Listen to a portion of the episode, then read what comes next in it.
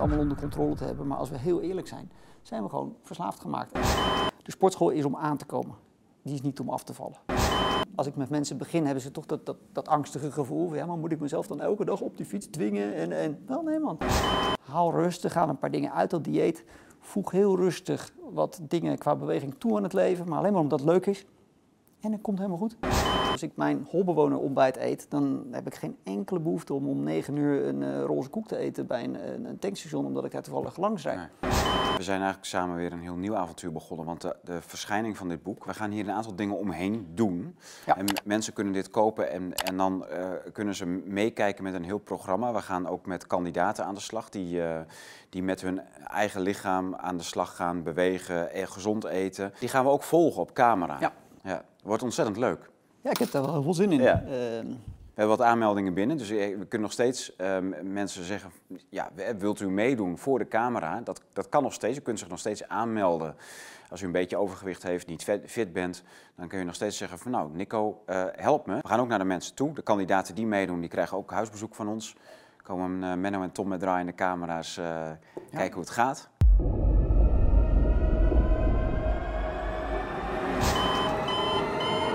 Van harte welkom bij Bloedtuigen Studio in Groningen. Mijn naam is Tom Zwitser en vandaag aan tafel komt er een nieuw boek aan. Het is december, we gaan heel veel boeken naar de drukker en er zijn echt al een paar terug. Arno Wellens heeft u gezien en nu Nico Norte, de holbewonercode. En denkt u, Nico Norte?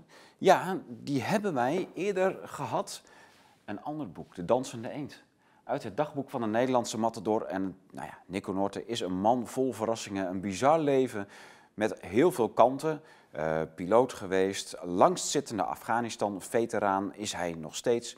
Hij is onder andere stierenvechter geweest, maar ook een voedings- en bewegingscoach. Hij heeft al honderden mensen geholpen met zijn speciale plan over eten voornamelijk, maar ook over bewegen. En daar gaan we nu vandaag aan tafel mee zitten. Nico, van harte welkom. Leuk dat je Hi. er bent. ja. Leuk dat je eindelijk in de studio zit. Ontzettend leuk, lang opgewacht. En met dit bijzondere boek, waar ik zelf al heel veel profijt van heb gehad. Ik eh, min of meer volg, dit, volg Mhm. ik jouw patroon al eh, vijf jaar. En eh, naar volle tevredenheid. Blijf zonder enige moeite opgewicht en eigenlijk ook wel gewoon fit. Dat is echt, het is ongelooflijk. Jij zei, voordat, voordat ik dat deed en 15 kilo zwaarder woog, Mhm. je gaat van dat dieet ga je geen hongergevoel krijgen. Het is niet afvallen met een hongergevoel waardoor je voortdurend aan lekkere dingen denkt. Nee. Dat is echt een, het, het is zo'n ongelooflijk makkelijk voedingspatroon wat jij hebt. eh, nou ja, wanneer kwam jij zelf met het idee dat jij iets beet had waarvan je dacht, nou dit is, dit is echt wel revolutionair? Hij is niet, niet echt heel moeilijk. En ik denk ook niet dat ik de, de, de, de eerste ben die op dit eh, plan gekomen is. Maar ik word eigenlijk al heel lang eh, vragen mensen me of ik ze wil helpen met hun gezondheid. En dat was vroeger voornamelijk in sportscholen. Toen ik een jaar of 15 was, toen kwamen sportscholen een beetje op in, eh, in Nederland. En eh, dat vond ik leuk. En ik wist daar vrij veel van, omdat ik wat boeken had gekocht over krachtsport. En dat betekent dat je in zo'n gym eh, was ik redelijk doelgericht bezig. Terwijl mensen altijd een beetje aan het zoeken waren van wat moet ik nou en, en waar is dit voor. En, en, allerlei rare theorieën gingen er rond. Dus ik werd heel vaak op mijn schouder getikt van, joh, kan je me niet helpen? En dan schreef ik schemaatjes voor mensen en ik begeleide mensen om in ieder geval in die gym wat beter en efficiënter te trainen. En ik was mezelf natuurlijk ook nog aan het ontwikkelen in de, in de kennis daarover. Maar ik merkte dat eh, ergens rond de millenniumwissel begon het een beetje te verschuiven. Kreeg ik steeds meer mensen die eh, wilden weten van joh, eh, hoe, blijf jij nou zo fit als je bent? Of, of hoe komt het dat je niet aankomt? Of, enfin, de hele, hele focus die verschoof een beetje naar, naar eten en drinken, naar, naar, naar diëten. Ja. Ehm, en toen ben ik, ik voelde intuïtief al aan dat als je gezond wil zijn, dan moet je natuurlijk gewoon naar het verleden kijken. Van waar komen wij vandaan? Hoe, hoe zijn wij oorspronkelijk ooit gevormd eh, door de evolutie? Ja. Eh, dat heeft natuurlijk veel te maken gehad met hoe we eten. En ik heb me toen de vraag gesteld van kunnen we niet terugvallen op een manier van eh, eten, drinken en bewegen. Zoals onze voorouders aten, dronken en bewogen. Daar heb ik heel veel studie in gestopt. Dat is begonnen rond de millenniumwissel, ben ik dat gaan bestuderen. En uiteindelijk eh, kwam ik ook tot de conclusie dat als je je gewoon houdt aan precies dat regime qua eten en bewegen, waar je spijsvertering voor is gecodeerd, dan is het ook heel makkelijk om zo te, te, te blijven leven. Ja. En We zijn in eh, de laatste, eh, vooral 50 jaar overgestapt op een feitelijk krankzinnig dieet. Uh, het staat geloof ik ook op de flap van het boek van uh, we geven natuurlijk onze, onze goudvis geen bonzo. Maar, maar voor jou is brood ook al te modern. Ja, het brood is natuurlijk een uh, product dat pas in zwang is geraakt na de agrarische revolutie. Ja. Um, ik eet het ook niet meer, hè, la, voor, voor nee, het is, het is, ja. het is, Kijk, brood is een product dat is gemaakt van granen. En granen bevatten veel energie, maar verder nauwelijks iets waar wij iets aan hebben. Daar komt bij dat granen kunnen wij niet zomaar eten uit de natuur, dan worden we ziek. Dus we moeten die granen bereiden om ze te kunnen eten. Nou, dat hele proces om dat te kunnen doen, heeft zich voltrokken 10.000 jaar geleden ongeveer. Toen zijn we op grote schaal graan gaan verbouwen, zijn we daarvan brood gaan maken en zijn we dat gaan eten. Nou, dat was hartstikke handig, want toen we uh, agrarisch gingen leven, dat leven kostte heel veel meer energie dan ons jager-verzamelaars uh, leven ons kostte. Dus we hadden die energie hard nodig. En dat betekent dat je 10.000 jaar lang eigenlijk een periode had waarin wat we onszelf aandeden, wat we ook niet wisten, maar wat we onszelf aandeden, was ons niet aan te zien. Want we gingen weliswaar meer uh, calorieën consumeren, maar we gingen ook meer bewegen. Ploegen kosten nou eenmaal meer tijd dan uh, verzamelen. Um, dat veranderde toen de industriële revolutie begon. Toen begonnen we ons natuurlijk langzaam aan beweging te onttrekken. En steeds meer en steeds meer. En eigenlijk de laatste 50 jaar, in vergelijking tot hoe we ons vroeger bewogen, bewegen we helemaal niet meer. Dat betekent dus dat we ongelooflijke hoeveelheden uh, uh, energie tot ons nemen en nog nauwelijks energie uh, besteden. Dat betekent dus dat we dikker worden. En met dikker worden worden we ongezonder. En vergaat ons steeds meer de lust om te bewegen. En je komt toch terecht in een, in een spiraal die mijns inziens een, een, een neergaande spiraal is. Het is natuurlijk geen lol aan te beleven om, om maar met overgewicht door dat leven te moeten. Uh, het belemmert je je bewegingsvrijheid, maar het levert ook weer allerlei risico's op. je, je, je, je, loopt uh, gewoon fysiek grotere risico's, enkels, knieën, onderruggen. En je loopt veel grotere risico's op allerlei uh, ziektes die er zijn. Dus heb ik twintig jaar geleden die methode ontwikkeld. Die heb ik gekscherend de holbewonercode genoemd. Gewoon een manier van leven zoals we eigenlijk leefden voor de agrarische revolutie. Ja. Nou is natuurlijk wel een dingetje, we leven in het jaar 2000 zoveel. En dat betekent dat we niet meer over straat gaan met een berenvel om ons lijf en uh, aan het jagen, aan het verzamelen zijn. Dus hoe kun je die methode of die manier van leven van mensen die, die 100.000 jaar geleden leefden, die dus de basis hebben gelegd voor ons hele uh, genetische systeem, hoe kun je die manier van leven incorporeren in de hectiek van vandaag de dag? En dat en is dat de holbewonercode geworden. Daar gaan we straks ook over uh, praten. Um, ja, je hebt een heel veel bewogen leven gehad.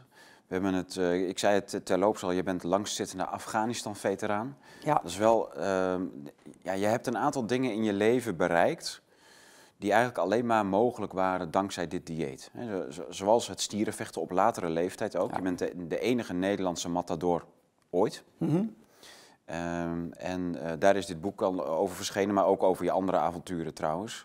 Uh, Afghanistan, uh, dat, is, dat is ook in boekvorm verschenen bij Prometheus. Ja. ja een jaartje of twee terug. Maar daar is uh, onlangs een, een behoorlijk succes uit voortgekomen, omdat er een rechtszaak liep. Ja, het is uh, vrij tumultueus geweest uh, na het uitkomen van dat boek. we hadden pech, omdat het boek uitkwam op dezelfde dag dat hier in Nederland de coronamaatregelen werden afgekondigd op 16 maart 2020. Dus natuurlijk een beetje een, een, een pechfactor.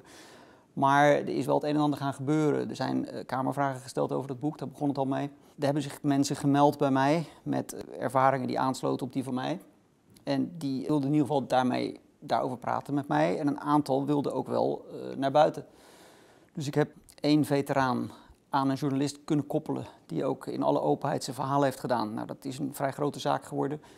Um, daarnaast heeft diezelfde journalist mij in contact gebracht met uh, Lisbeth Zegveld die uh, via een eh, aantal, of voor een aantal Afghanen een zaak heeft aangespannen tegen de staat. Uh, hun huizen zijn gebombardeerd op een goed moment in 2007. En daarvoor was geen aanleiding. Lisbeth en ik zijn in contact gekomen met elkaar. En hebben die zaak gewoon echt tot heel minutieus voorbereid. Omdat ik natuurlijk veel meer kennis had van dat gebied. van de manier van optreden. de rapporten die zij opvroeg kon ik een stuk beter lezen dan zij die kon wel lezen, maar niet begrijpen.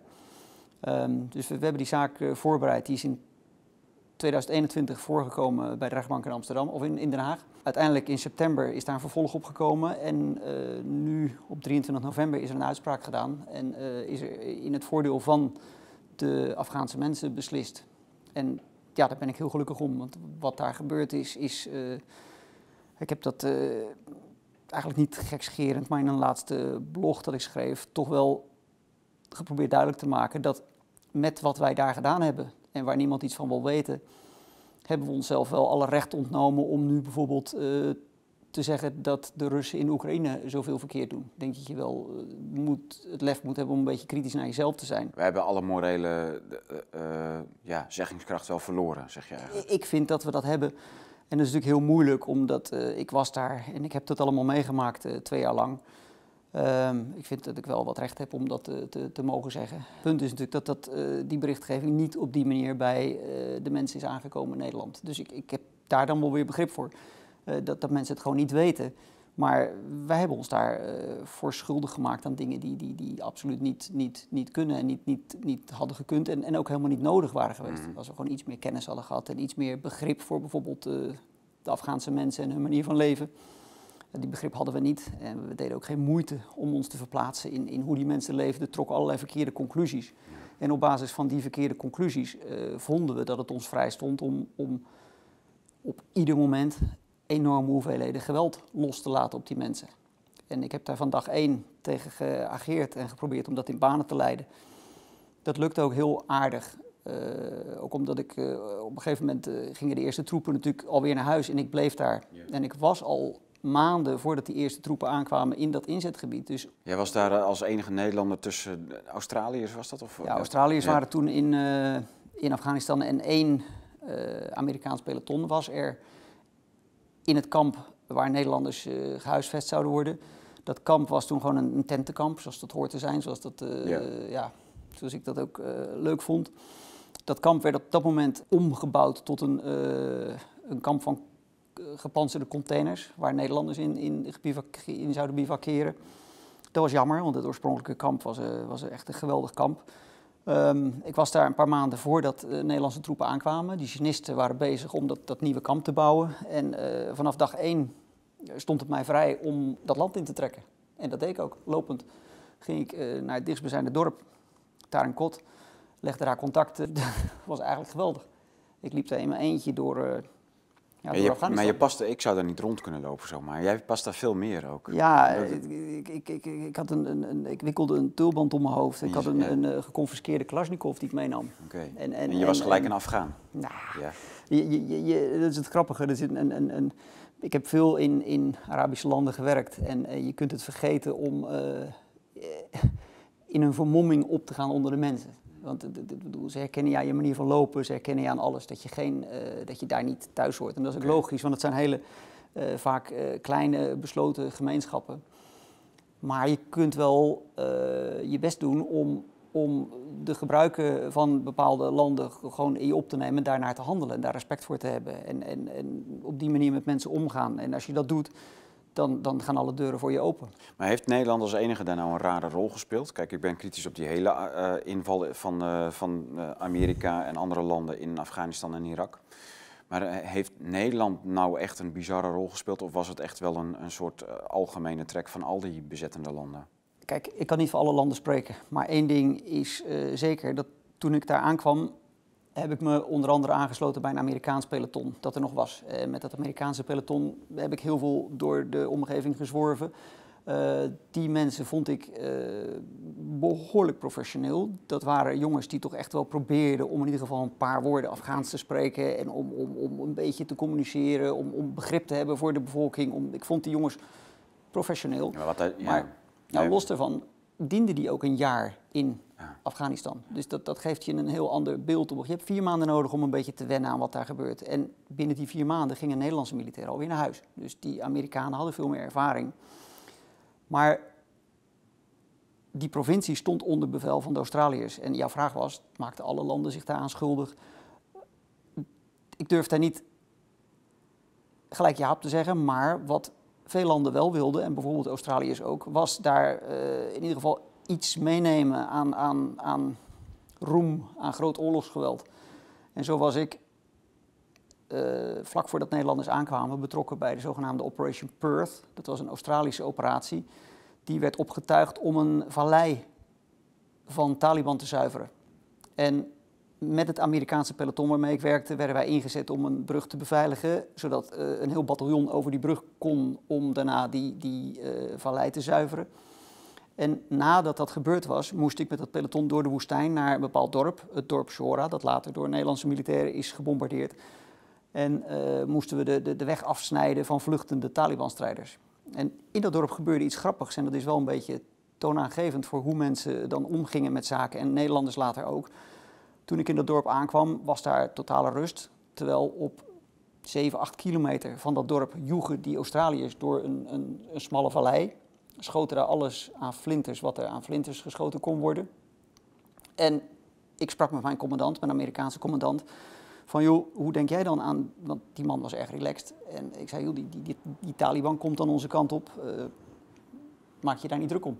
Nee, zei hij, maak me helemaal niet druk om, want er is geen Taliban. Nou, dat was wat ik natuurlijk zelf ook dacht. En wij spraken daarover. En dit, hij zei, dit, dit zijn gewoon operaties die worden opgetuigd om een bepaald militair uh, gewin te behalen. Om, om, om, in dit geval voor de Australiërs, om puur zichzelf op elkaar te zetten. Het is puur cowboygedrag. Zo. Maar het grappige was ook nog eens dat uh, de, de hele actie in die vallei de Operation Perth, was opgetuigd. Australiërs zouden, stonden op het punt om te vertrekken. Dus die hadden die actie gewoon nodig voor hun gevoel om, om nog iets gedaan te hebben daar. Dat is in ieder geval zoals ik dat zag.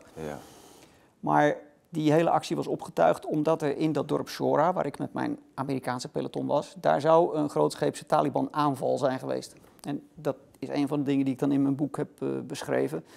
Um, bij stom toeval loop ik tegen de, de, de, de politiecommandant op van dat dorpje. De, de, de, politiecommandant is natuurlijk een heel duur woord. Het is een, een aanvoerder van een lokale militie. Uh, iemand die probeert daar een beetje eh, de zaken uh, safe te houden. Maar die voornamelijk probeert om op de een of andere manier via zijn militie geld te verdienen. Die man die kwam ik tegen en die had een klein jongetje bij zich. En ik vroeg aan die man via een tolk wat daar dan gebeurd was op die bewuste aanval. Ik kreeg geen antwoord van hem. Dus ik denk, weet je wat, ik ga het gewoon aan het jongetje vragen. Misschien dat daar iets uitkomt. Nou, die, die, die, die, die politiecommandant doorzag natuurlijk die, die laffe streek en legde gewoon uit wat er gebeurd was. Wat er was gebeurd is dat er twee pick-up trucks met uh, mensen, gewapende mensen, waren het dorp ingereden. Die hadden, uh, waren op de vuist gegaan. Dus er was niet geschoten, maar op, op de vuist gegaan met uh, zijn militieleden. Waren daarna naar een gebouw gereden dat de Amerikanen ooit hadden gebouwd en dat een school zou worden. Maar dat niet meer was dan een gebouw leeg. En die hadden geprobeerd daar brand te steken. En vervolgens zijn ze het dorp weer uitgereden die politiecommandant is met dat verhaal naar het kamp van de Australiërs gegaan. Het kamp waar ik gelegen was, waar Nederlanders later terecht zouden komen, heeft dat een beetje opgeklopt.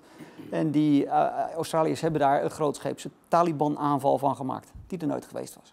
Er was ook geen Ze waren ook al lang weer weg uit het dorp. Ze waren al lang weer weg uit het dorp. Maar als dank voor dat, uh, voor dat verhaal werd het dorp alsnog van de kaart Nou ja, ze, ze, zouden dan, volgens het verhaal, zouden de strijders die het dorp aangevallen hadden, die zijn gevlucht naar een vallei. En in die vallei zouden ze dan uh, in de pan worden gehakt door een compleet bataljon uh, Australische strijders. En, en, en het punt is, het, het, voorbeeld is gewoon exemplarisch voor hoe we daar met dingen omgingen. Er hoefde maar één uh, Afghaanse, wie het ook was, binnen te wandelen in zo'n kamp met een verhaal. En ja, dat was dan de waarheid waarnaar werd geacteerd. En het werd gelijk ook tien keer groter. Je moet natuurlijk uh, op het moment dat je uh, overgaat tot, en, en ik denk dat, dat Nederlanders zich daar heel erg weinig van bewust zijn. We staan op onze achterste benen als we horen dat er nu in de Oekraïne een Russisch, Russisch bom is gevallen. Maar wij hebben daar uh, 500 vliegtuigbommen afgeworpen in, in, in, in, in zo'n klein stukje Afghanistan. Dus ik denk dat het goed is om daar toch ook even over na te denken. En dan jezelf de vraag te stellen van nou, wat hebben die Afghanen ons dan misdaan? Opdat wij uh, al dat geweld moesten toepassen. En uh, dan kom je tot, tot natuurlijk hele rare conclusies, want die Afghanen die uh, misdeden ons helemaal niet. En wij zouden daar voorspoed gaan brengen en een, een provincie gaan wederopbouwen. Nou ja, scholen bouwen, democratie brengen, ja, alles, van alles gingen we doen. En, ja. en, en ja, daar heb ik heel weinig van gezien. En wat ik voornamelijk heb gezien is gewoon misbruik maken ik vond het misbruik van uh, verkeerde informatie die bij ons binnenkwam. En niet in staat willen zijn om die informatie gewoon te zien voor wat die waard is, daar in dat terrein, voor die mensen. Hè, er spelen allerlei eh, belangen in de drugshandel. eh, milities proberen eh, een graantje mee te pikken van die drugshandel. Dus die, die mensen die in die drugshandel die iets te veel onder druk worden gezet door lokale milities, ja, die lossen wat schoten op milities. Dat, dat hoort bij het normale leven daar. En daar kan je dan als Westerling heel erg druk om maken en zeggen, oh, oh wat is dat vreselijk. Maar je kunt het ook zien vanuit de optiek van een Afghaan. En dan krijg je een heel ander beeld. Maar dat wilden wij niet. We wilden dat zien vanuit ons beeld en, en, en schieten. Ja. Voornamelijk wilden we heel graag Het, het, zijn in ieder geval niet tafereelen die een hele inval in zo'n land rechtvaardigen met de hele wereld. Op, eh, Nee. absoluut, in ieder geval, zoals ik het gezien heb, eh, niet. En ja, zoals ik het ook omschrijf in mijn boek, ik wandelde daar een, een hele vreedzame eh, omgeving binnen. Ongelooflijk aardige mensen met een hele interessante manier van leven. Ja, die gingen wij vertellen dat democratie goed voor ze was en dat hun kinderen naar school moesten. En dat, nou, je kunt je ook afvragen of die kinderen een achterstand hebben in, in wat ze zouden moeten weten. Ja. En, en ik denk niet dat dat zo is. Eh, dus ja, en die manier van Nederlands optreden was natuurlijk wel, of is, vind ik in ieder geval, exemplarisch voor, als, voor de manier waarop we nu al eh, eigenlijk decennia lang als westerse landen de wereld overtrekken. We denderen links-rechts voor de verkeerdste motieven eh, landen binnen, maken daar meer kapot dan dat we goed doen. En eh, niemand doet zijn best om ook maar iets verder te kijken dan zijn neus lang is. En ik vind dat jammer. Ja. En, en vooral voor de mensen die daar wonen. En vanuit die optiek vind ik het dus een hele goede stap in de goede richting dat nu die Afghaanse mensen die de Nederlandse staat hebben aangeklaagd voor het bombarderen, zeven bommen op hun huizen in een donkere nacht. eh, Die hebben dus daarvoor de staat aangeklaagd. En eh, in eerste instantie nu die eerste rechtszaak gewonnen. En ik ben daar heel erg blij om. Gaat de staat ook in hoger beroep of niet? De staat heeft tot 23 februari om in eh, hoger beroep te gaan. Nou ja, nou ja, dan wachten we af. En eh, het zou sier als ze het niet doen. Ja, maar dat, was, dat is een, een eh, roerige tijd met een, eh, met een boek van jou als eh, gevolg, die mensen nog steeds kunnen lezen natuurlijk. Ehm, dit, dit lifestyle boek, hè, jij, jij bent, je hebt een heel roerig leven gehad met allemaal dingen die, nou ja, zelfs één aspect, er is niemand in de wereld die zelfs het zomaar even nog in, naar Afghanistan gaat. Voor hoe, hoe lang heb je daar gezeten? Hoeveel Twee jaar. Twee jaar, ja. En dan, eh, en je, ja, je matadorschap, prachtig. Eh, je, je bent piloot geweest, eh, een avond, multi-avonturier, overal in de wereld heb je eh, ja, andere dingen gedaan, kleinere, grotere klusjes, paragliden. Wat, hoe, hoe, ja, wat, wat zit er in jou dat je dat Ja, allemaal doet? Het, ik, ik vind punt 1 heel erg leuk. Ik vind deze wereld een fantastisch fenomeen. En ik vind het heel leuk om, om, om zoveel mogelijk gezien te hebben. Daarnaast heb ik hele lange periodes in mijn leven geleefd dat mijn telefoon nog wel eens rinkelde en gevraagd werd of ik misschien ergens iets kon betekenen. Ja, ik zeg altijd graag ja, dus dat, dat, dat deed ik dan ook maar. En dat betekent dat je, dat je natuurlijk eh, in, in hele rare, eh, spannende en leuke situaties belandt. Het is allemaal maar net hoe je het, hoe je het een beetje eh, plooit voor jezelf. Ja, dat avontuur heeft me altijd aangetrokken. En, en gelukkig is het altijd op mijn pad gekomen, is het altijd daar geweest. En, en heb ik nooit een reden gehad om, om avontuur af te wijzen. En doe ik nog steeds niet. Nee, nou ja, goed. We, we zijn eigenlijk samen weer een heel nieuw avontuur begonnen. Want de, de verschijning van dit boek, waar ik heel trots op ben, omdat het ook voor mij persoonlijk veel betekent. Wij gaan, een, eh, wij gaan hier een aantal dingen omheen doen. Ja. En mensen kunnen dit kopen en, en dan eh, kunnen ze meekijken met een heel programma. We gaan ook met kandidaten aan de slag die, eh, die met hun eigen lichaam aan de slag gaan, bewegen, gezond eten. aan de hand van jouw uitgewerkte voedings- en bewegingsleer. Ja. En ja, die, die gaan we ook volgen op camera. Ja. Ja, wordt ontzettend leuk. Ja, ik heb daar wel heel veel zin in. Ja. Ehm, We hebben wat aanmeldingen binnen, dus we kunnen nog steeds eh, mensen zeggen, ja, wilt u meedoen voor de camera? Dat, dat kan nog steeds, u kunt zich nog steeds aanmelden. Als u een beetje overgewicht heeft, niet fit bent, dan kun je nog steeds zeggen van nou, Nico, eh, help me. En dan, eh, dan, dan komt u dus in een programma, dan gaan we kijken of u geschikt bent om mee te doen. En eh, eh, ja, dan komt er dus toch een soort van reality, Ja. soap-achtig ja, gebeuren. En dan gaan we mensen helpen om, eh, om, om fit te worden. ja, Althans, jij. En eh, ja, eh, ik mag dan lekker een beetje gek doen met de camera en kijken hoe, de, hoe zich dat allemaal Ja. ontvouwt en ontwikkelt. Het is natuurlijk wel, denk ik, uh, we leven in de tijd van, van, van diëten, van, van methodes en van uh, voornamelijk uh, snelheid. De, de, de, de, de kerst is zometeen voorbij. Ja. De gemiddelde westerse mens komt zo'n 250 gram aan tijdens Kerst. kerstmis. Oh, en, valt eigenlijk nog wel mee. Ja, maar niet als het over, over tien jaar natuurlijk bekijken. Nee, ja, dat gaat er niet meer af. Ja. want het punt is dat uh, in januari, want je kan natuurlijk aankomen in, uh, met kerstmis, want in januari gaan we allemaal aan de slag. Gaan we naar de sportschool, gaan Ja. we bewegen, gaan Ja. we, en, en daar komt helemaal niks van terecht. Want de meeste mensen wegen eind januari meer dan dat ze eh, eh, na de kerst wogen. Oké. En dat, eh, mensen pakken over het algemeen de, de verkeerde methode. Omdat simpelweg een methode of een dieet helemaal niet bestaat. Dan kan je gewoon op je buik schrijven. Natuurlijk zijn er dingen die, die kortstondig werken. Daarbij moet je niet vergeten dat je voor die methodes en voor die diëten gewoon een enorme dosis discipline nodig hebt om, om die vol te houden. En als je die discipline hebt, ja, dan, dan werkt iedere methode. Maar dan, dan is eh, overgewicht ook geen probleem Nee. eigenlijk. Hè? Dan zou dat eigenlijk al überhaupt niet bestaan. Al is het natuurlijk zo dat juist daaruit weer dat, dat zogenaamde yo-yo ontstaat. Mensen die, die, die, die vallen weer af, komen daarna weer aan. En uiteindelijk is het een, een, een- een stijgende lijn. Mensen worden alleen maar dikker en ongezonder. Dus wat ik propageer, wat ik denk dat veel beter is, is dat je gewoon streeft naar een levensstijl. En niet zegt van, joh, ik ga drie weken of drie maanden ga ik iets doen en ik val eh, mijn, mijn 20 kilo af. Maar pak een levensstijl waarbij je misschien niet in twee maanden die 20 kilo afvalt. Wat natuurlijk hartstikke ongezond is ook nog eens een keer. Maar zoek een levensstijl die maakt dat je gewoon, punt 1, stap voor stap gezonder wordt. Maar die ook nog eens maakt dat je gaandeweg steeds meer lichaamsgewicht verliest. En uiteindelijk terechtkomt uit gewoon precies op dat lichaamsgewicht dat je zou moeten hebben. En daar ook probleemloos blijft hangen. En dat is eigenlijk wat de holbewonercode is. Gewoon heel langzaam een aantal dingen uit dat leven gooien. Heel langzaam een paar dingen in dat leven slepen. Nou, dat uit het leven gooien van dingen heeft natuurlijk voornamelijk met eh, het eten te maken en het drinken. En het in het leven trekken, dat is natuurlijk een stukje beweging. Maar we gaan daar over het algemeen gewoon helemaal verkeerd eh, mee om. Ja. Wat we natuurlijk eh, op, op 1 januari doen is bewegen, bewegen, bewegen. Nou, het is inmiddels wel bewezen dat eh, de, de, de, de, de, slechtste methode eigenlijk om tot gewichtsverlies te komen is bewegen. Heeft een paar redenen. Één van de redenen is, of een van de redenen is natuurlijk omdat we het, het calorisch verbruik van bewegen stelselmatig overschatten. En het calorische, eh, eh, de, de, de calorische waarde van voedingswaarden, die onderschatten volledig. Dus we gaan eh, morgen, of op 1 januari, gaan we dan eh, heel erg sporten. Maar de dag voordat we gaan sporten, de avond, dan eh, eten we snel een snack extra, Ja. want we gaan morgen Ja, bewegen. ja. Als we aan het sporten zijn, dan kan tegenwoordig niet meer zonder dat we onderweg een een of andere reep eh, in ons gezicht proppen, want eh, anders hebben we niet genoeg energie.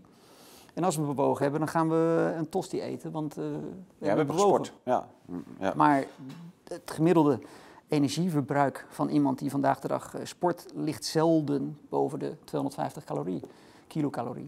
En eh, mensen die vandaag de dag in de, in de gym sporten, ja, daar ligt het niveau zo laag. Want de meeste tijd eh, zijn we aan het appen en aan het kletsen. En, en, aan- het, is, het is allemaal zo zinloos. En, Foto's en, in de spiegel maken. ja, ben bezig met van alles, maar eh, niet met, met sporten. Dus ik probeer dat een beetje te doorbreken allemaal. En dan, kijk, je, je hebt die uren niet nodig. Het enige is dat als je dan bezig bent, ja, probeer je dan even daartoe te zetten en doe wat je moet doen. En bijvoorbeeld die sportschool waar we natuurlijk allemaal weer naartoe gaan op 1 januari. De sportschool is om aan te komen. Die is niet om af te vallen. De sportschool is om aan te komen. Wat-. Wat, wat, je moet spiermassa aankomen. Ja. Eh, Ieder mens heeft vanaf zijn eh 23e zo krijgt hij last van een fenomeen dat heet eh, sarcopenie. Dat is de, de, de eh, leeftijdsgebonden verlies aan spiermassa. Is helemaal geen probleem, want dat kun je makkelijk eh, tegengaan. Dat deden mensen natuurlijk vroeger ook. Liepen ze met een everzwijn op hun rug te sjouwen of wat ze ook aan doen waren. Maar ze waren natuurlijk altijd aan het sjouwen. En daardoor bleef je spiermassa in stand. Eh, dat doen we niet meer. Maar je moet die spiermassa wel in stand houden. Mens kan vandaag de dag makkelijk eh, 100 worden. Maar dat werkt natuurlijk niet als er alleen nog maar een geraamte over is zonder spiermassa. Diezelfde spiermassa heeft natuurlijk ook weer invloed op onze eh, basaal metabolisme. Van het is, hoe je het went of keert, belangrijk dat je je spiermassa behoudt. En daarom ga je naar de gym. Nou, dat willen mensen weer niet, want die associëren die gym met mensen als Arnold Schwarzenegger en noem zo maar op. En die denken dat ze dan in die gym vreselijk zware gewichten gaan zich af moeten beuken. En goed, daar probeer ik dan ook een, een, een, een, uit te leggen dat dat niet de bedoeling is. En hoe je met dus weerstandtraining, ander woord voor bodybuilding. Ja. Hoe je op een veel makkelijkere manier, 20 minuten per dag, 30 minuten per dag, onderhoud je die spiermassa. Dat is geen enkel probleem als je maar weet wat je doet. En als Ja. je dat maar met een, met, een, met, een, met een goed systeem doet. En dat geldt voor mannen en voor vrouwen. Eh, Dus alleen een beetje wandelen en fietsen, dat is niet genoeg. Nee, hoewel wandelen en fietsen zijn natuurlijk de, de, de, de- beste sporten die je kan doen. Zolang je het maar doet omdat het leuk is. En op het moment dat je dat gaat doen omdat je wil afvallen, nou, de kans dat dat succesvol wordt is, is ontzettend klein. Want dan, dan ga je dat tegen je zin doen, dan, dan, dan levert het nooit eh, zo snel de resultaten die je wil hebben. Eén is je voedselinname, die moet in orde zijn. Als die niet in orde is, dan heeft alle beweging die je er tegenover zet zelden enig effect. En ik moet natuurlijk altijd oppassen, want we kennen altijd iemand die wel succesvol is gaan bewegen. Maar in principe is het, het paard volledig achter de wagen spannen als je gaat bewegen om af te vallen. Dus waar beginnen we mee? Die voedselinname. Die moeten we weer in orde zien te krijgen. En daar is een heel vervelend iets. En dat is dat we de laatste 40, 50 jaar gewoon eigenlijk verslaafd zijn geraakt aan hedendaags voedsel. En ook dat is iets wat we natuurlijk onderschatten. Eh, we denken dat allemaal onder controle te hebben, maar als we heel eerlijk zijn, zijn we gewoon verslaafd gemaakt. En waar zijn we nou zo verslaafd aan gemaakt? Zout en zoet. Dat zijn de twee dingen die eh, ja, we willen eigenlijk niet meer zonder. Voordeel is dat het, eh, kijk, het, wordt officieel niet als verslaving erkend. Ik zie het wel als een verslaving en ik denk ook dat iedereen er gewoon goed aan doet om dat tegen zichzelf te zeggen. En gewoon te zeggen, joh, ik ben natuurlijk gewoon verslaafd aan die mars die ik meepak bij het tankstation. Dat is niet zomaar, dat is omdat ik dat, er een drang in mij is die maakt dat ik dat hebben wil. Ja. De kleurtjes zijn mooi waarin het verpakt is en, en het is lekker. loopt en in de mond. eh, en- ja. als ik hem nou opeet, dan neem ik op mijn werk straks, als ik aankom, de trap omhoog. Natuurlijk onzin, dat werkt zo niet. Maar op het moment dat je, dat je toegeeft dat, je, dat, je, dat er in ieder geval een verslavend effect uitgaat van zoet en zout, dan ben je heel eind op de goede weg. Want dan kun je namelijk zeggen van, weet je wat, als ik er nou eens vanaf stap en als ik eens ga kijken of wat er overblijft misschien wel net zo leuk is. Als je natuurlijk de, de, de, de, de hang naar zoet en zout afwendt, dan ga je automatisch eh, bitter en zuur ga je meer waarderen. Ja. En dan blijkt dat er heel veel overblijft, wat hartstikke lekker is, waar je volop van kan eten. En wat helemaal niet zo'n hoge calorische waarde heeft. Los daarvan krijg je met een mars natuurlijk geen enkele micronutriënt binnen. Nee. En op het moment dat je dat eh, vervangt voor gezonde voedingswaarden, krijg je wel eh, je, je micronutriënten binnen. Want we leven in een tijdperk dat eh, niemand zich ondervoed voelt. Maar eh, ik denk dat 80, 90 procent van de mensen wel degelijk ondervoed is. Want die komen natuurlijk chronisch eh, allerlei micronutriënten tekort die ze binnen zouden moeten krijgen. Omdat ze hun macronutriënten uit de verkeerde voedingswaarden betrekken. Ja. Dus wat ik voorstel is om, om en in het boek doe ik dat dan stap voor stap. En een beetje op mijn misschien cynische manier, maar eh, één voor één gooien we gewoon langzaam. Nou ja, eh, wat- Rotterdamse humor, eh, Nico. Toch? het is ook niet echt, het is natuurlijk een serieus onderwerp. Want Ja. ja. kijk om je heen. Het, gaat natuurlijk niet eh supergoed met ons. Of ik het nou in had moeten zetten of niet. eh, als, als corona ons eh 300 jaar geleden had overvallen, dan, dan had het niet eens opgemerkt. Ik bedoel, het, het is deels onze ongezondheid geweest die heeft gemaakt dat eh, Ja. een dergelijk virus ineens de kans krijgt om, eh, om eh, los te gaan op ons. En eh, ik, ik, ik denk dus dat het belangrijk is dat we dat terugdraaien. En dat is ook helemaal niet moeilijk, want het leuke is natuurlijk wel dat als je weer. eh, kijk, als je je hond gezond voedt, dus als je je hond geeft wat die hond hoort te eten, gaat ze vacht glanzen. Eh, Dat is bij ons natuurlijk precies hetzelfde. Als we onszelf voeden met dat wat we eigenlijk vanuit onze evolutie eh, willen eten, ja, dan gaan er ineens dingen met ons gebeuren. En dat speelt op allerlei niveaus. Er zijn allerlei psychische processen die, die, die, die zich veel prettiger gaan voltrekken op het moment dat alle elementen in onze voeding, eh, via onze voeding ons lichaam binnenkomen, die, die we gewoon heel erg hard nodig hebben om onze psyche goed te laten functioneren en om allerlei processen op hormonaal eh, niveau goed te laten functioneren. Die zijn niet uit de lucht komen vallen. Die zijn allemaal zo gegroeid over een hele lange periode tijd. En nu doen we ineens alsof dat helemaal geen waarde meer heeft. En we smikkelen lekker van patat met mayonaise. Nou, prima. Maar je kunt niet smikkelen van patat en mayonaise en gezond zijn. En die patat en mayonaise de morgen vanaf fietsen, vergeet dat, dat lukt helemaal niemand. Nee, nee. Dus stap 1, rustig dat dieet aanpassen. En op het moment dat je doet, begin je natuurlijk al onmiddellijk af te vallen. Maar doe dat allemaal rustig aan. En, en leg daar ook helemaal geen nadruk op. Het eerste wat je eh, in ieder geval in mijn methode moet doen, is die weegschaal de, de, de deur uit uh, schoppen. Die moet op eBay, onmiddellijk. Want je hebt niks aan dat ding. Dat ding brengt alleen maar onrust. Je, je, je... Als je goed eet, kom je altijd op je eigen goede gewicht. Op het moment dat je, dat je gezond eet en gezond beweegt, en voornamelijk beweegt omdat het leuk is, met als leuk bijeffect dat je er ook vanaf valt. Maar je beweegt omdat het leuk is, omdat dat fijn is, omdat dat je creativiteit stimuleert, omdat dat, uh, je krijgt zonlicht binnen, je krijgt, uh, dit is allemaal belangrijk. Op het moment dat je dat doet en je eet gezond, dan vliegt uiteindelijk wel dat lichaamsgewicht er vanaf. Tegelijkertijd komt die spiermassa erbij en voordat je een jaar verder bent, is je vet weg en, en heb je spiermassa in je lichaam. En dat is helemaal niet ingewikkeld, tenzij je uh, de verkeerde verwachting hebt. Tenzij je zegt van nee, nee, nee, het moet, uh, ik heb op, op, op, op, uh, op 10 januari een feestje en dan moet het er allemaal vanaf zijn, want dan wil ik in het jurkje passen. Dat gaat hem niet worden. En dat heeft alleen maar tot, tot, tot effect dat je in een soort rare, tobbende, gefrustreerde situatie terechtkomt. Waarin heel veel mensen zich bevinden. Die ze dan weer oplossen voor zichzelf dan, door dan toch maar dat ene taartje te eten. En ja, dat is niet handig. Dus de basis is jezelf in de spiegel aankijken en zeggen van, joh, is dit voor mij de bedoeling? Kan het allemaal niet een stuk leuker? En uh, afhankelijk van het antwoord zou je dan kunnen overwegen om ja. die holbewonercode te, te omarmen. Ja. En, en wat ik aanraad is om het te doen uh, in, in de stappen die ik aanraad. Gewoon lekker rustig, geef het een jaar de tijd. En binnen dat jaar ligt het leven in positieve zin volledig op zijn kop. Dat is in ieder geval de ervaring die ik heb met uh, de mensen waar ik tot nu toe mee gewerkt je komt, je komt er eigenlijk, het is, volgens mij is het andersom, je komt erachter dat je leven altijd op zijn kop heeft gestaan en dat het dan op zijn pootjes komt te staan weer. Nou, dat, je zegt het wel goed, want uh, zoals ik dat ook zou willen zien, het, het, heeft altijd gefunctioneerd voor ons en we hebben het natuurlijk recentelijk op zijn kop gezet. Ja. En als je dat terugdraait, en dat is helemaal niet zo moeilijk, dat brengt ook geen opoffering met zich mee, want het punt is dat, dat alles wat die verre voorouders van ons aten. Dat is allemaal hartstikke lekker. En het fijne ervan is... Nou, je krijgt je smaak ook weer terug, Nico. Dat was ook weer een van de dingen die mij opviel. Dat op een gegeven moment, nou, op een gegeven moment uh, heb ik ook de stap gezet om zout uit het eten te gooien. Mhm. En dan ga je ontdekken dat, dat tomaten en komkommers, daar zit al een zoutgehalte in van zichzelf. Hè? Dus dat ga je op een gegeven moment proeven. Maar je gaat ook proeven dat, dat zelfs die kasttomaten waar wij altijd op hebben leren mhm. afgeven... Dat, het zijn natuurlijk ook kasttomaten en het is natuurlijk ook kweek.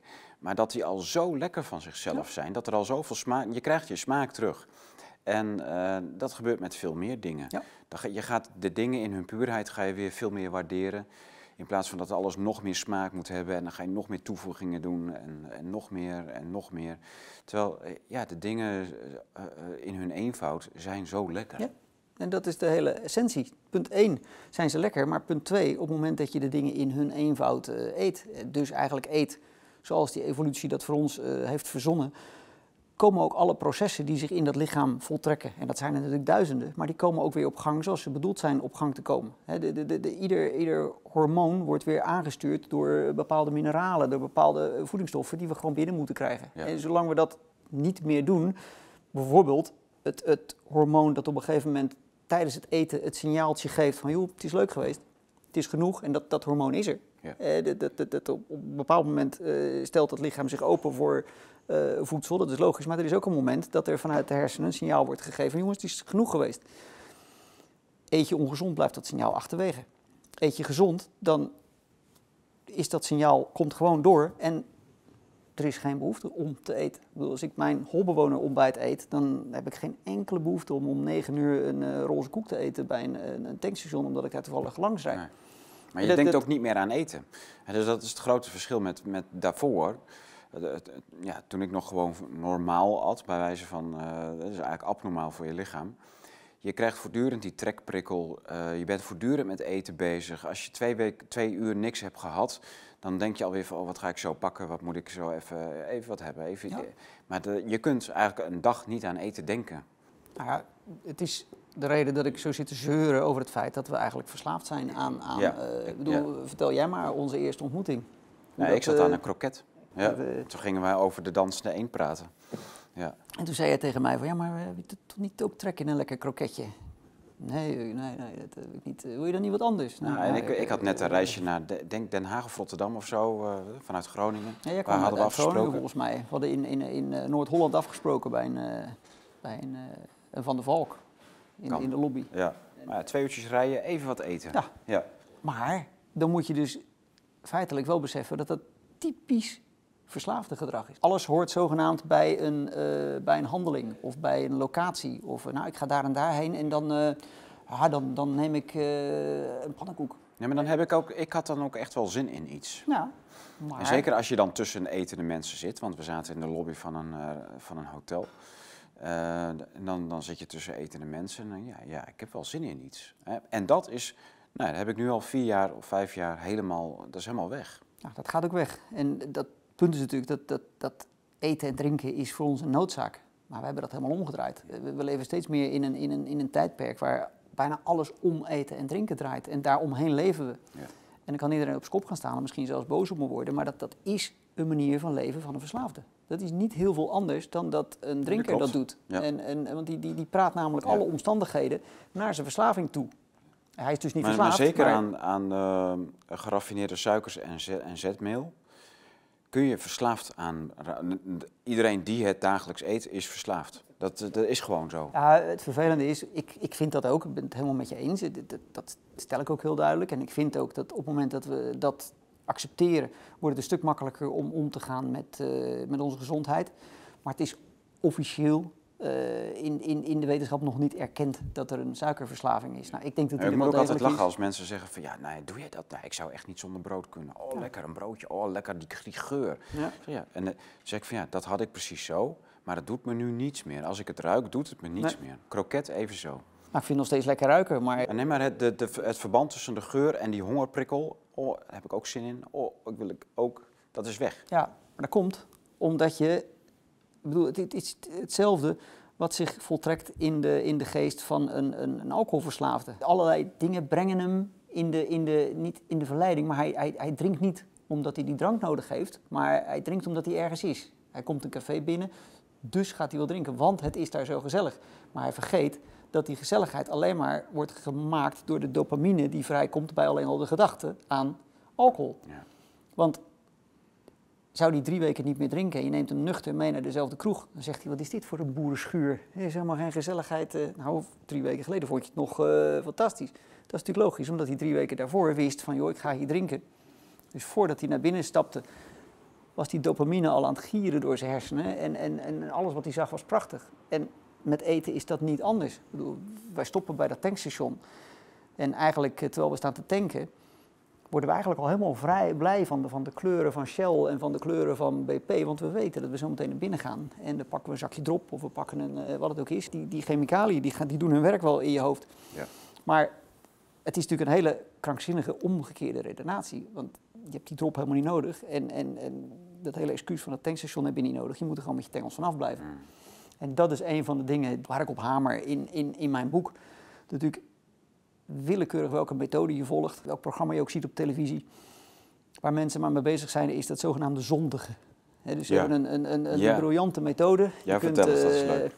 Je moet, eh, weet ik veel, je moet bakstenen eten. En als je dat dan maar eh, een week doet, dan val je af. Maar een pizza af en toe moet natuurlijk wel kunnen. Nou, dat kan dus niet. En, en waarom kan dat niet? Omdat we verslaafd zijn. Die ene pizza kan nou juist niet. En, en ja, dat, dat, dat, daar zullen mensen zich dan even aan moeten wennen.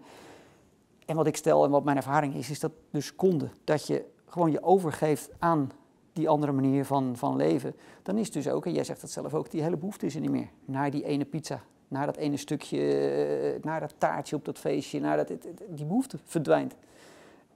En dus moet je ook afscheid nemen van dat hele zondige verhaal. Want dat, dat, dat- daar help je alles mee naar de... Je gaat natuurlijk niet... eh, Nee, het is niet tijdelijk. is gewoon, eh, je, je, je gaat erin, in dit eetpatroon, voedingspatroon, en daar blijf je dan ook. Voordat je drie maanden verder bent, weet je niet beter. Ja, je weet niet beter meer en je taalt er ook niet meer naar om terug te gaan. En, en omgekeerd, op het moment dat je eh, een, een dag zegt van... joh, die sportschool, ik heb even niet zoveel zin. Dan denk je, het voelt niet goed. Weet je, dat, dat voelt niet goed. Want Het punt is namelijk dat die sportschool is niet meer een instituut waar je eh, zwetend en kreunend eh, probeert duizend kilo op te tillen. Nee, je doet daar effectief eventjes wat oefeningen die je spiermassa in stand houden. En die hele spiermassa, die zegt, hé, dat is fijn zeg. Eventjes weer, eh, Ja. hè, fijn, dat is, dat is goed. Spieren en pezen doorbloeden. Alles doorbloedt weer, alles voelt goed. En, en het is helemaal niet de, de, de, vreselijke zware klus die, die we denken. En dat is, kijk, die mensen als bijvoorbeeld uh, Schwarzenegger hebben in mijn optiek heel veel goed gedaan voor die sport. Maar ze hebben ook heel veel uh, stuk gemaakt in die zin. Dat zijn natuurlijk de moeite die zij lijken te hebben gedaan om zo groot te worden, hebben ze behoorlijk uh, overtrokken. En dat betekent dat het ik, ik in ieder geval kom heel veel mensen tegen die nog steeds denken dat ze inderdaad in die sportschool, punt 1, dat ze daar twee uur moeten zijn. En dat ze dan dus uh, met, met, met, met vreselijke gewicht aan de slag moeten. En dat er aan twee kanten mensen moeten staan die dat meetillen. En dat is helemaal niet waar. Die, die spiermassa die kan je heel makkelijk uh, stimuleren. En die shakes, wat je zegt, dat is nergens voor nodig. Maar je moet even weten wat je doet. En net als met dat eten, waarbij dat lichaam op een gegeven moment zegt: ik hoef dat niet meer, de, de slechte dingen. Zegt dat lichaam ook van: Vertorie, ik wil een stukje fietsen ik wil een stukje fietsen. Dat is wat anders dan dat je elke dag, wat toch, als ik met mensen begin, hebben ze toch dat, dat, dat angstige gevoel. Ja, maar moet ik mezelf dan elke dag op die fiets dwingen? En, en wel, nee man. Op een gegeven moment zegt dat lichaam van, uh, zullen we niet eventjes... Uh, en je komt thuis met ideeën, met, met, met, met, met allerlei, wat je zegt, je de bloeding, alles is weer... Uh, ja, je geest bloed natuurlijk en, ook. En, ja. en, en, dat houdt zichzelf in stand. En wat ik dan vind, wat ik belangrijk vind, want daar had je het begin van het gesprek over. Van hoe, hoe kan het dan dat je al die dingen gedaan hebt? Nou ja, deels daardoor. Ik, ik, nog steeds, binnenkort uh, reis ik weer af naar Afghanistan. Gaan we daar toch weer waarschijnlijk wat, wat, wat spannende dingen doen. Ja, dat kan nog. Dat, bedoel, dat, uh, sorry, maar ik rende wel vandoor als ik die Taliban dan toch per ongeluk tegenkom. Dat, het, het is allemaal nog mogelijk. En, en dat, dat, ik, ik heb een klein stukje uh, gepikt eigenlijk van, uh, van, uh, van de filosofie die ik naar voren breng van Alan Carr. Dat is de man die mensen hielp om, om, om te stoppen met roken. En die, je noemt hem ook een paar keer in je boek. Ja. Ja. En hij zegt, ik geloof dat hij zichzelf niet, niet eens zo goed aan zijn eigen methode kon houden, maar wat hij, wat hij, wat hij, wat hij, wat hij zei is van stoppen met roken. Je neemt jezelf niks af, maar je geeft jezelf zoveel als je stopt met roken. En dat vind ik met, met gezondheid in, in algemene zin precies hetzelfde verhaal. Je geeft jezelf zo'n ongelooflijk cadeau Ja. door gezond te zijn. Je kunt zoveel meer dingen doen. Je loopt met zoveel minder pijn en zorgen en ellende door het leven. Dat, dat, Ja, is bizar, hè? is, het is, de, de, de, de, de, grap is, of het nou grap is of niet, een beetje flauw. Maar eh, vaak als mensen eh, naar me toe komen en zeggen, je moet me helpen nu. Prima, dat doe ik dan graag. Eerste afspraak, dan eh, heb ik altijd een rugzak klaarstaan waar ik een partij boeken in gepompt heb. Die weegt dan 20 kilo. En zeg ik, joh, weet je wat, we kunnen wel kletsen als we... We gaan wel wandelen. En dan tijdens wandelen, neem jij de rugzak mee? En tillen ze die rugzak. Ja, ik ben niet gek. Wat, wat, wat sjouw je dan heel de dag mee? Weet je, wat, wat, dus die niet, maar die wel. Ja, ja, als je het zo ziet, nou, zo zie ik het. Waarom zou je per se die, die, die rugzak mee willen sjouwen? En, en elke keer, want we weten dat we die mars niet moeten nemen bij dat tankstation. Elke keer die discussie, dat, dat hoer, want zal ik wel, zal ik niet? Ja, maar dan ga ik morgen en, en, dan eet ik wel geen lunch en dan... Uh, oh jongens, al die, al die onrust, kan je zo van je afgooien. Kost even, het, het, de meeste mensen waarmee ik werk, en ik doe dit nu echt al ruim twintig jaar, dat ik, dat ik qua eten ook met mensen aan de slag ben. Zes weken, acht weken, dit is het wel gebeurd. Raken mensen het kwijt. En vanaf dat moment gaat iedere mogelijkheid gaat, gaat open in het leven. Je, je kan alles. Tot, tot, tot, ik hoop het, tot je, tot je tachtigste, negentigste, als je maar zorgt dat dat overgewicht er niet is. Um, er zijn natuurlijk een paar kleine dingetjes. Uh, flexibiliteit van je nek, van je heupen, van je enkels. Paar stomme oefeningetjes die je gewoon achter je bureau kan doen. Weet je? Niemand doet het. We zitten daar maar en, te tikken en te doen. Maar je kan ook even opstaan. En in plaats van uh, naar buiten lopen, sigaretje roken... Of, of, of, hetzelfde gesprek wat je gisteren met die collega voerde... Uh, vandaag weer te voeren, kan je ook een paar uh, bewegingen maken... die je heupen lekker los, loshouden. En het kost je een, een, een, een minuut. Je gaat weer zitten, je gaat weer verder. En, en, en, en het is allemaal zo ontzettend makkelijk. Als je het maar tot een, tot, een, tot een levensstijl verwerkt. En op het moment dat je dat doet zegt je lichaam zelf van, joh, is het niet tijd om even dit of dat te doen? En is heel die, die, dat dwangmatige gaat er vanaf. En dat hoop ik ook dat ik mensen dat duidelijk kan maken. Dat je dat al vanaf dag één jezelf niet op moet leggen. Van ik moet dit en ik moet dat en ik mag dat niet en ik mag dat niet. Haal rustig, haal een paar dingen uit dat dieet. Voeg heel rustig wat dingen qua beweging toe aan het leven. Maar alleen maar omdat het leuk is. En het komt helemaal goed. Ga twee keer per week een uur judoën. Man, je, dit is, het is het mooiste wat er bestaat. Ja, vind je dat? Ja, natuurlijk. Als jij trek en gesjor aan elkaar. Maar ga je uit, je, je gaat naar, je, je moet natuurlijk een, een, een, nou, ik begrijp je wel. Ja. Maar dat is hetzelfde. Als ja, er zijn mensen die het prachtig vinden. Nee, maar jij zegt dat getrek en gesjor aan elkaar. maar uh, als jij natuurlijk bij, bij een goede judo-school komt, of je gaat naar een Krav Maga school, dat is, dat is allemaal hetzelfde. Maar dan staan we niet aan elkaar te trekken en te, te, te, te, te, te, te, te duwen. Maar je oefent de derde heupworp. Boem. Je staat op en iemand anders. Boem. En, en boem. En boem. En dat doe je tien minuten lang. En dan doe je uh, de tweede beenworp. Boem. En nog een keer. En de volgende. En dat is judo trainen. Niet de hele dag aan elkaar trekken. En, en, en je komt herboren buiten na, na een uur. Maar je moet wel de goede judoschool zoeken. En dat is een, natuurlijk een ander verhaal. Ja, uh, als daar gezellig met elkaar kletsen hoog in het vaandel staat, heb je er niks te zoeken. Zoek een goede school om te boksen. Uh, er zijn zoveel dingen te doen. Dus je bent eigenlijk niet, uh, je bent ook wel voor, voor vechttrainingen. En, ja. En, ja, ja. ja. Dus klappen op je kop, daar ben je niet op tegen. Nee, maar ik denk dat het, en, en, vooral in deze tijd, en ik noem het ook als, dit is natuurlijk een, een, hoofdstuk gewoon puur om, over bewegen en sport. En ik verdeel dan sporten in een aantal categorieën. En een van die categorieën is weerbaarheid. Ja. En ik denk dat het gevoel om weerbaar te zijn, dat is gewoon een lekker gevoel. En dat, dat hangt alles samen met, met hoe dat lichaam uh, in de war steekt. Kijk, we zitten nu allemaal op een fiets met een helmpje op. En wat ik dan in dat boek schrijf, je, je kan ook een uur gaan judo in, in de week. En dat biedt meer bescherming tegen waar je fiets vallen dan uh, die helm dragen. Ja, en dat is wat ik zeker. zie met die, die, die weerbaarheid. Krav Maga is prachtige sport, uh, jiu-jitsu, uh, judo, boksen. maar zoek een school waar er ook dan gebokst wordt. En, en, en, en zorg dat je, dat je na een uur gewoon bezweet buiten komt. En, en, en, en alles wat ik zeg geldt voor mannen en voor vrouwen. Het maakt geen, geen moer uit. Ik heb het verschil nooit leren zien en ik zal het waarschijnlijk nooit zien. Dus het geldt voor ons allebei. Ik denk dat het heerlijk is om, om om dat gevoel te hebben dat je, dat je van je fiets kan vallen. En dat je misschien, als je op straat iets overkomt, weg kan rennen.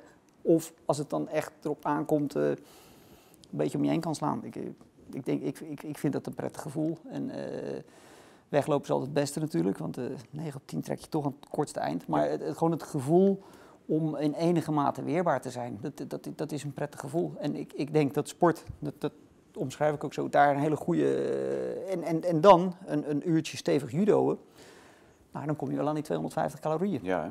Dat, dat red je wel.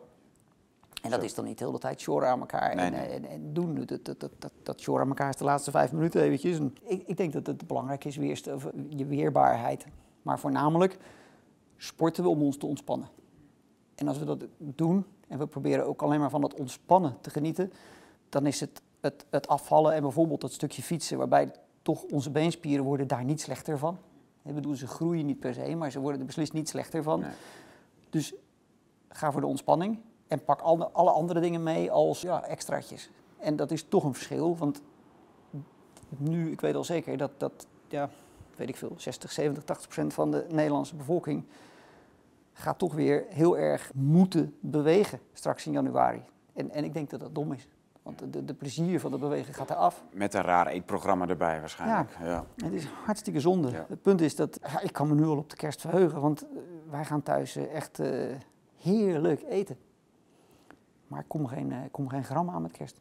Helemaal niks. Nee. Want alles blijft gewoon precies zoals het is. Maar ik ga wel, uh, we gaan toch anders koken en, en, en, en andere dingetjes naar huis halen. En, en het wordt allemaal leuk en geweldig. Maar ik ga niet een gram aankomen. Niet één. En uh, dat is ook helemaal niet nodig.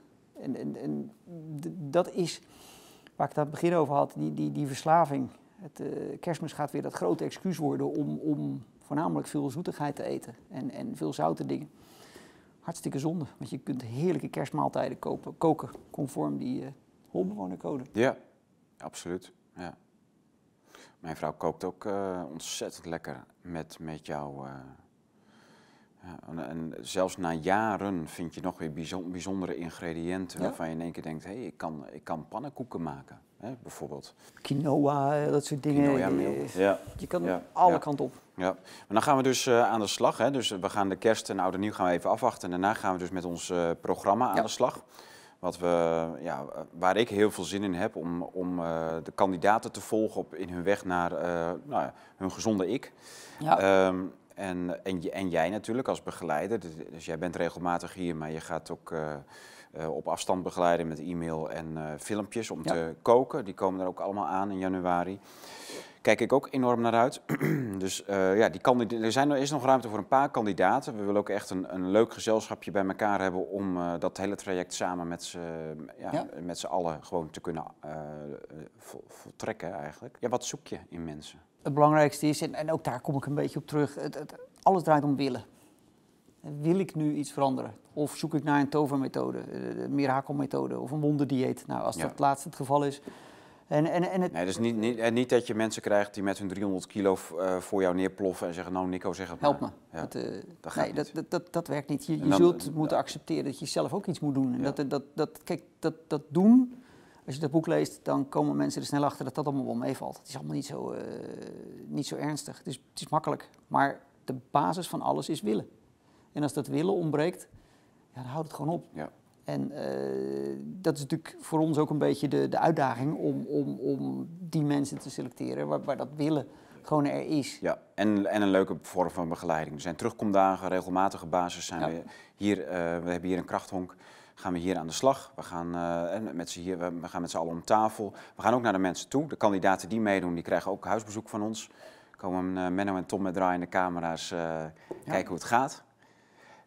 Dus dat, ja, het is wel, uh, we proberen echt het zo makkelijk mogelijk te maken. En dan de mensen die niet meedoen, die kunnen natuurlijk gewoon uh, zelf meedoen. Dus de, koop het boek, lees het.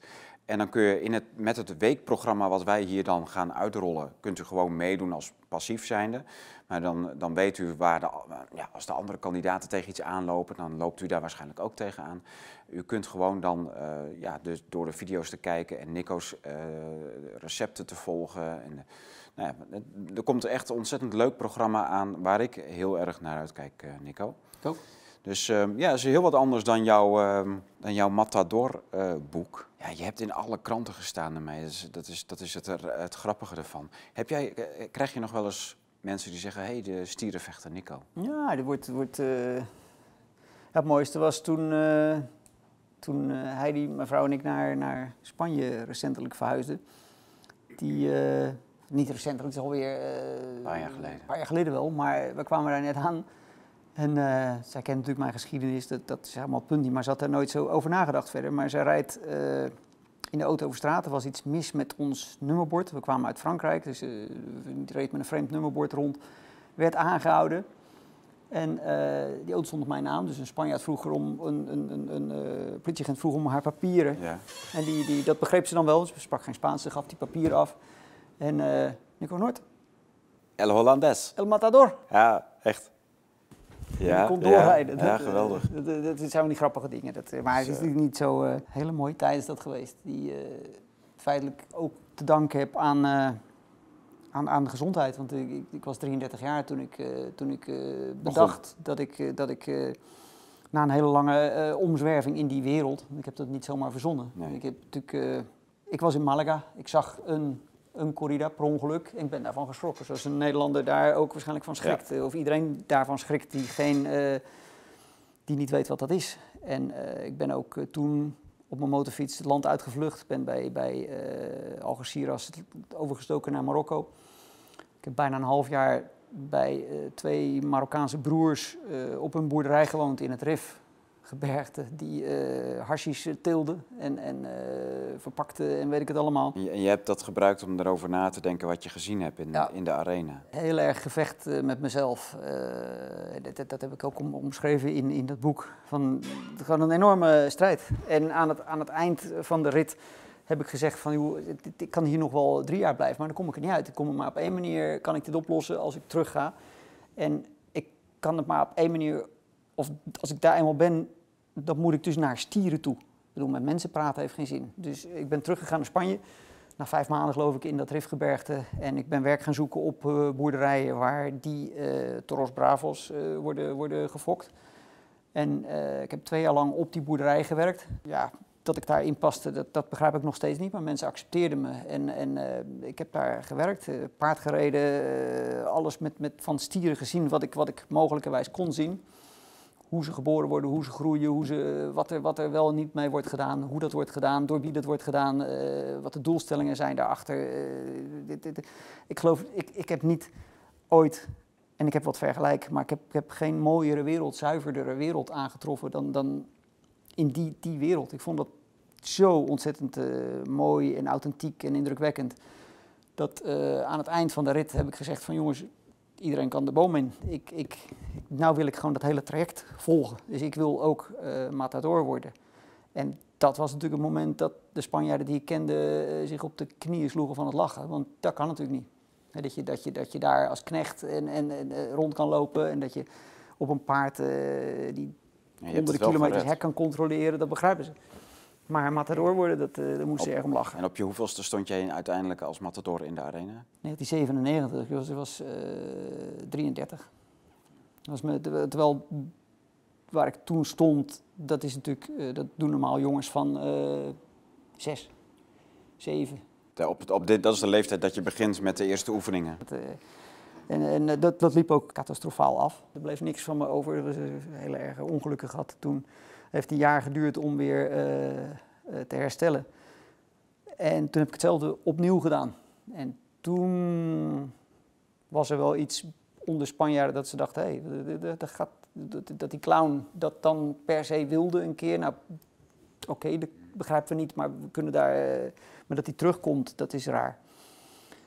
En, en toen was ik goed, goed voorbereid. Dus ik had een, een, een klein gelukje in die periode. Ik had een, een, een boerderijtje gekocht in, in, in de bergen van Andalusia. En daar had ik allerlei uh, apparatuur gebouwd om te trainen. Ik had ook hindernisbanen nagebouwd ja, ja. en uh, weet ik veel wat. Ja, ik heb alle foto's uh, en video's ervan gezien. Die, dit is waanzinnig. Dat was wel apart. Ja. Maar wat er gebeurde is dat er een, een, een manager van een matador... die had een, een, een, een jongen onder zijn hoede, een, een, een, een jonge jongen die fysiek niet zo sterk was. En die wist dat ik op mijn land al die uh, dingen had om, om te trainen. En die zei toen, joh, laten wij een deal maken.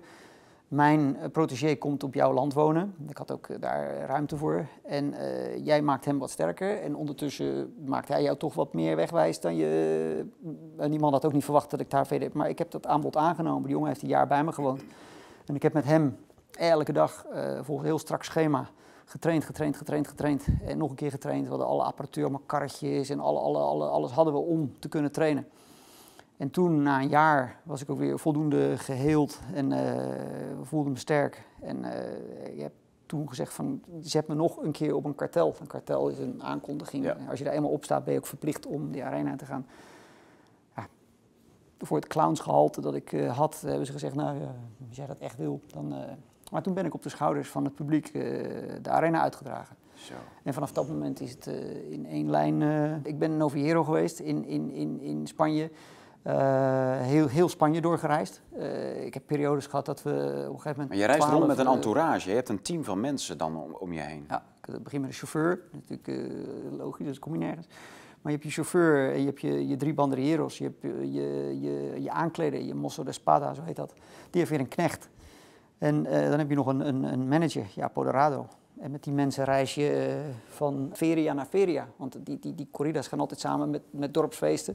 Dus je reist van dorpsfeest naar dorpsfeest. En, en daar treed je op als je een goed contract kunt, uh, kunt Ja. sluiten. Oké. En dat was natuurlijk in, in mijn geval, daar had ik natuurlijk een voordeel ten opzichte van andere mensen. Want ik was Dat een je iets buitenlander. exotisch. eh, ja. natuurlijk een krankzinnig verhaal. Iemand op mijn leeftijd. Die, eh, ik stond ook altijd in die, in die eh, op kartelles met jongens van, van, van 17. En eh, die lieten zich natuurlijk zo eh, alle kanten door de lucht slingeren. Maar dat vond ik toch ja, iets minder aantrekkelijk. Dus, eh, maar goed, heel hard getraind. Ook uiteindelijk goede mensen om me heen die, die me hielpen. Verder gekomen. Ik had ja, ontzettende intensief mooie tijd beleefd in een wereld die heel authentiek en, en, en bijzonder was. En, en, en, en bol stond van, van liefde voor, voor, voor dieren en, en voor, voor echtheid van het leven. En eh, heel dankbaar dat ik dat, eh, dat ik dat heb mogen meemaken. En dan zullen mensen wel zeggen, nou dan ben jij wel echt zo'n, eh, ben je vast een enorme vleeseter. Ja, maar ik denk dat, dat onze voorouders relatief weinig vlees aten. De, de, de, de, ik denk dat het hele vleeseten van onze voorouders een beetje geromantiseerd is. Van Neandertalers weten we dat ze, dat ze veel vlees aten.